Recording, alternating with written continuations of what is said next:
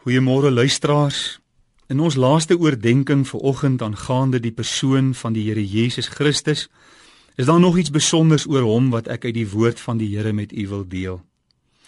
In Jesaja 9 vers 5 lees ons: Want 'n kind is vir ons gebore, 'n seun is aan ons gegee, en die heerskappy is op sy skouer, en hy word genoem Wonderbaar, Raadsman, Sterke God, ewige Vader, vredevors.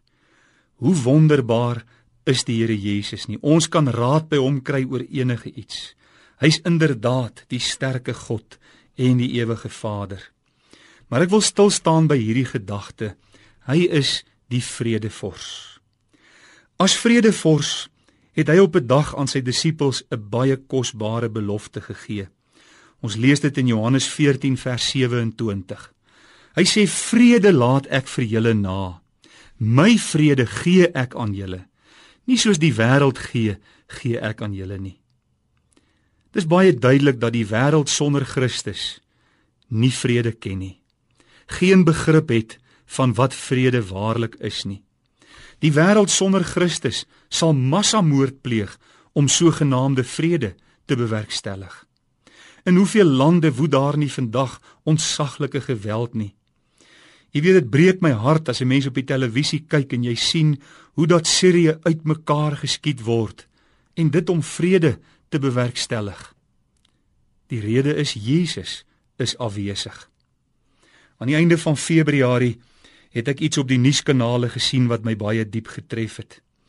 By die Tikkie kampus was daar 'n bekleierery tussen mense van verskillende rasse en tale.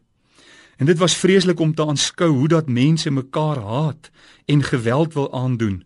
Hoe dat daar bakstene gegooi is na mekaar toe. Maar net oor kan die straat het 'n groepie mense van alle rasse mekaar se hande gevat en saam gebid vir die situasie. Ja, hulle die vredevors se naam aangeroep om hierdie situasie tot 'n einde te bring. En die vraag het by my opgekom, hoekom is hulle nie ook kwaad vir mekaar nie? Hulle is dan ook van verskillende rasse en tale. Hoekom wil hulle mekaar nie ook geweld aandoen nie? En die rede is baie duidelik. Die vredevors, Jesus Christus, is hulle gemeenskaplike faktor.